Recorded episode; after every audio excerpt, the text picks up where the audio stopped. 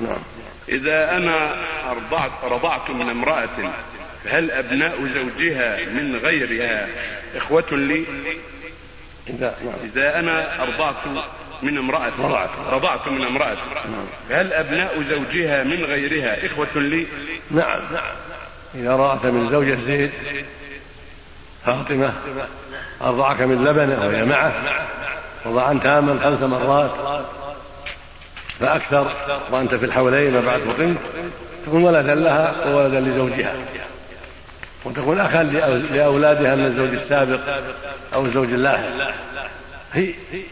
وتكون أيضا ولد أخا لأولادها للزوج من الزوجات السابقات واللاحقات. أخا من الأب بالرضاع وأخا لأولاده من هذه المرأة شقيقا بالرضاع. وأخا لأولاده إن كان لها أولاد من زوج سابق. من الأم بالرضاع نعم. كالنسب. يحرم من الرضاع ما يحرم من النسب. نعم.